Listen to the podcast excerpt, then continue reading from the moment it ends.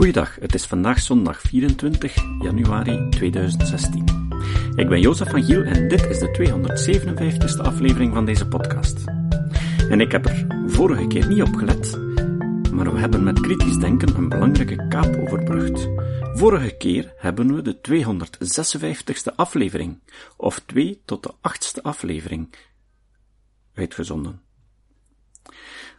Dat lijkt me een veel interessantere kaap dan bijvoorbeeld de 200ste, want 200 steunt enkel op de conventie dat we toevallig het tiendelig talstelsel hebben gekozen. Maar 256, dat is 8 keer 2 met zichzelf vermenigvuldigen. En deze aflevering is ook speciaal, want 257 is een priemgetal. En meer nog, priemgetallen die na een macht van 2 komen, zijn ook speciale priemgetallen. Dus we hebben iets om te vieren. En ik heb weer een luisterboek ingesproken. Deze keer heeft het niets met kritisch denken te maken. Het is een tekst over mijn grootvader die kunstschilder was. Op de notitiepagina van deze aflevering zal ik een link plaatsen vanaf waar je dit luisterboek gratis kan downloaden. Vandaag horen jullie de vertaling van een TED-talk van Tristram Wyatt over feromonen. De vertaling is van Els de Keizer. De geurige mysterie van het menselijk feromoon. Feromoon is een heel krachtig woord. Het roept seks op, losbandigheid, controleverlies. Zoals je ziet is het een heel belangrijk woord. Maar het is pas 50 jaar oud. Het werd uitgevonden in 1959. Als je dat woord op het internet opzoekt, wat je misschien al deed, krijg je miljoenen hits.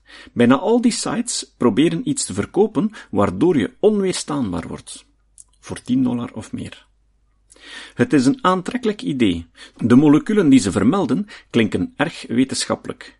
Ze tellen vele lettergrepen. Dingen als androstenol, androstenone of androstenedione. Het wordt alsmaar beter. En als je daar nog witte labojassen aan toevoegt, dan stel je je voor dat hier geweldige wetenschap achter zit. Helaas zijn dit bedrieglijke claims gebaseerd op bedenkelijke wetenschap. Het probleem is dat er weliswaar vele goede wetenschappers studeren op wat ze beschouwen als menselijke feromonen en erover publiceren in gerespecteerde tijdschriften, maar zonder dat er, ondanks de verfijnde experimenten, stevige wetenschap aan de grondslag ligt.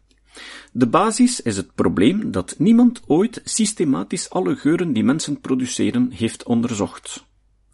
We geven duizenden moleculen af. We zijn zoogdieren. We produceren veel geur. Niemand heeft systematisch onderzocht welke moleculen echt feromonen zijn. Ze kozen er een paar uit en alle experimenten zijn daarop gebaseerd. Maar er is geen sluitend bewijs. Dat betekent niet dat geur niet belangrijk is voor mensen. Dat is wel zo. Er bestaan heuse enthousiastelingen. Napoleon was een van hen.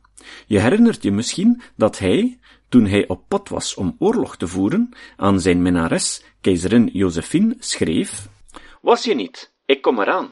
Hij wilde niets van haar rijkdom missen in de dagen voor hij thuiskwam. Er bestaan nog steeds websites die dit aanhalen als een raar trekje. Tegelijkertijd besteden we ongeveer evenveel geld aan het verwijderen van onze geurtjes als in het aanbrengen ervan, via parfums. De parfumsector is vele miljarden waard. In de rest van deze lezing wil ik uitleggen wat feromonen echt zijn, waarom we er volgens mij van uit mogen gaan dat mensen feromonen hebben, en welke verwarring er zoal bestaat rond feromonen. Ten slotte wil ik afsluiten met een veelbelovend pad dat ons toont waar we heen moeten. De oude Grieken wisten dat honden elkaar onzichtbare signalen sturen. Een loopse teef zond onzichtbare signalen naar reuën. Kilometers in de omtrek, en dat was geen geluid, maar een geur. Je kon de geur van de teef gebruiken om de reuën achter een doek aan te jagen. Maar de mensen die dit zagen, konden de moleculen niet identificeren. Ze konden niet aantonen dat het chemisch was. Dat komt doordat elk van deze dieren kleine hoeveelheden afscheidt.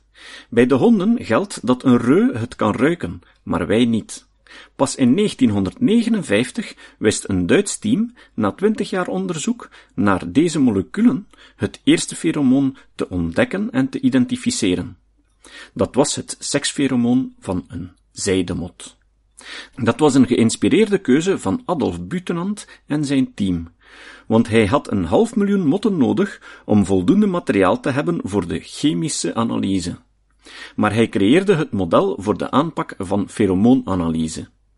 Hij liep ze allemaal af en toonde aan dat alleen de moleculen in kwestie de mannetjes stimuleerden, en de andere niet. Hij analyseerde die erg zorgvuldig. Hij synthetiseerde ze en probeerde de synthetische moleculen uit op de mannetjes. Ze reageerden en toonden aan dat het inderdaad die moleculen was. Zo was de cirkel rond. Dat is wat voor mensen nog nooit is gebeurd. Niets systematisch. Er is geen echt bewijs. Met dat nieuwe concept hadden we een nieuw woord nodig, en dat werd feromoon. Het staat voor het overbruggen van opwinding tussen mensen. Sinds 1959 zijn in het hele dierenrijk feromonen ontdekt, in mannetjes en in wijfjes. Het werkt evengoed onder water, voor goudvissen en kreeften. Voor zowat elk denkbaar zoogdier is een feromoon geïdentificeerd en voor een enorm aantal insecten. We weten dus dat feromonen in het hele dierenrijk bestaan. En de mens? Om te beginnen zijn we zoogdieren. En zoogdieren geven geur af. Elke hondenbezitter zal je zeggen dat wij geuren afgeven en zij ook. Maar de echte reden om te denken dat mensen feromonen hebben, is de verandering tijdens het opgroeien. De geur van een zaal vol tieners is helemaal anders dan die van een zaal vol kleine kinderen. Wat is er anders? De puberteit natuurlijk. Tegelijk met het schaamhaar en het okselhaar beginnen op die plekken nieuwe klieren te werken. Vandaar komt de andere geur.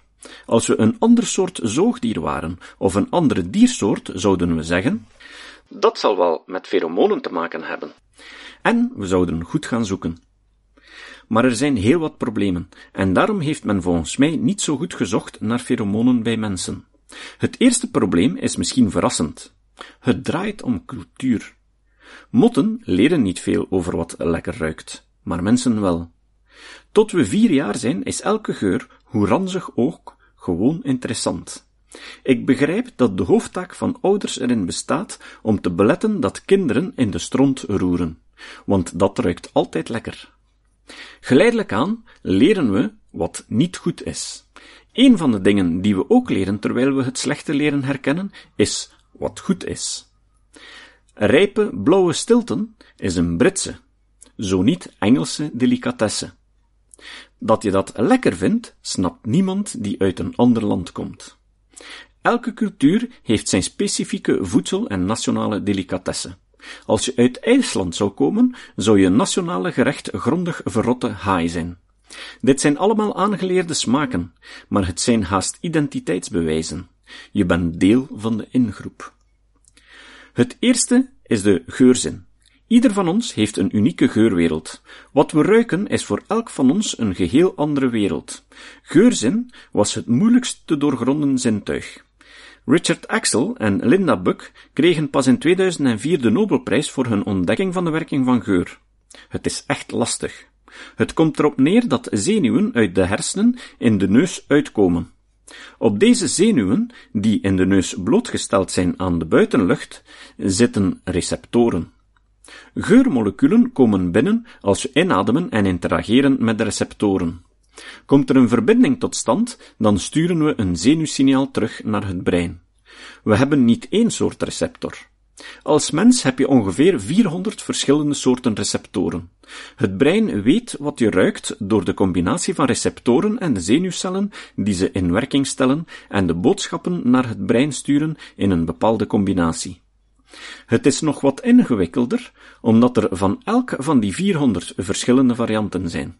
Afhankelijk van je variant ruik je het kruid koriander als iets heerlijks en smakelijks of als iets zeepachtigs. We hebben dus elk een individuele geurenwereld en dat maakt het ingewikkeld om geur te bestuderen. We moesten het maar eens hebben over oksels. Ik moet zeggen dat de mijne van topkwaliteit zijn.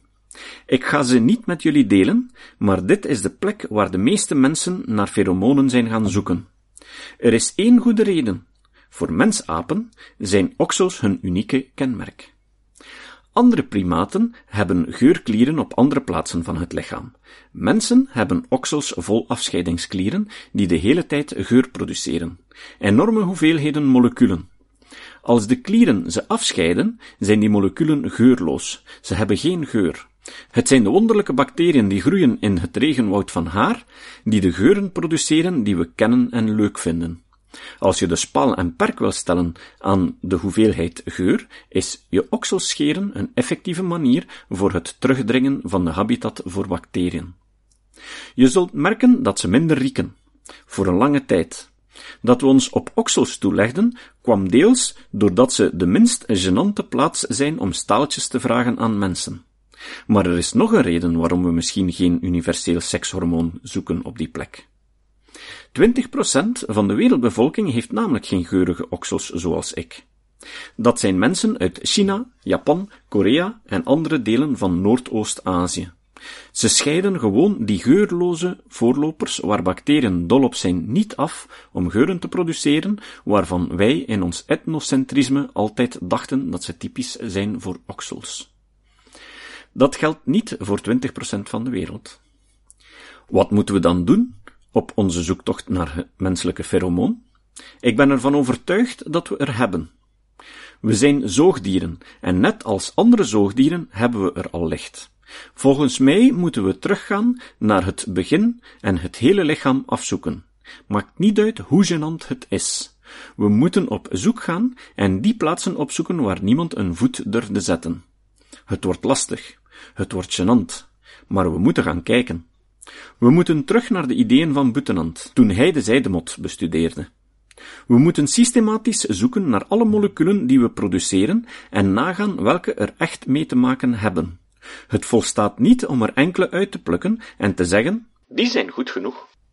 We moeten aantonen dat ze echt het beweerde effect hebben. Eén team maakte grote indruk op mij. Het is een Frans team. Hun vorige succes was de identificatie van het borstklierferomoon van het konijn. Ze hebben hun aandacht nu gericht op menselijke baby's en moeders. Bij vrouwen die borstvoeding geven, is er een afscheiding van een witte stof rond de borst. Dat is de afscheiding van de klieren van Montgomery. We hebben die allemaal, mannen en vrouwen. Het zijn de kleine boepeltjes rondom de tepel. Als vrouwen borst geven, komt er een afscheiding uit. Die afscheiding is heel interessant. Benoist Schaal en zijn team ontwikkelden een simpele test om te onderzoeken wat het effect van de afscheiding is. Het is een eenvoudig effectenonderzoek. Als we onder de neus van een slapende baby een schone glazen staaf schuiven, dan blijft de baby gewoon voortslapen. Hij heeft geen belangstelling. Maar vragen we aan een moeder om afscheiding van haar klieren van Montgomery, het gaat dus niet om herkenning. Elke moeder is goed. En duwen we die afscheiding onder de neus van de baby, dan krijgen we een heel andere reactie. Het is een kennersreactie van verrukking. De baby opent zijn mond, steekt zijn tong uit en begint te zuigen. Omdat dit van elke moeder kan komen, kan het echt een feromoon zijn. Het gaat niet om individuele herkenning. Elke moeder is goed. Waarom is dit belangrijk en niet gewoon erg interessant? Omdat vrouwen een wisselend aantal klieren van Montgomery hebben. Er is een correlatie tussen het gemak waarmee baby's beginnen te zuigen en het aantal klieren van Montgomery. Hoe meer afscheiding, hoe waarschijnlijker het is dat de baby snel gaat zuigen. Voor zoogdieren is het gevaarlijkste moment van het leven de eerste uren na de geboorte. Je moet aan die eerste melk komen. Lukt dat niet, dan overleef je het niet. Dan ga je dood. Vele baby's vinden het moeilijk om die eerste maaltijd te nuttigen, omdat ze niet de juiste stimulus krijgen.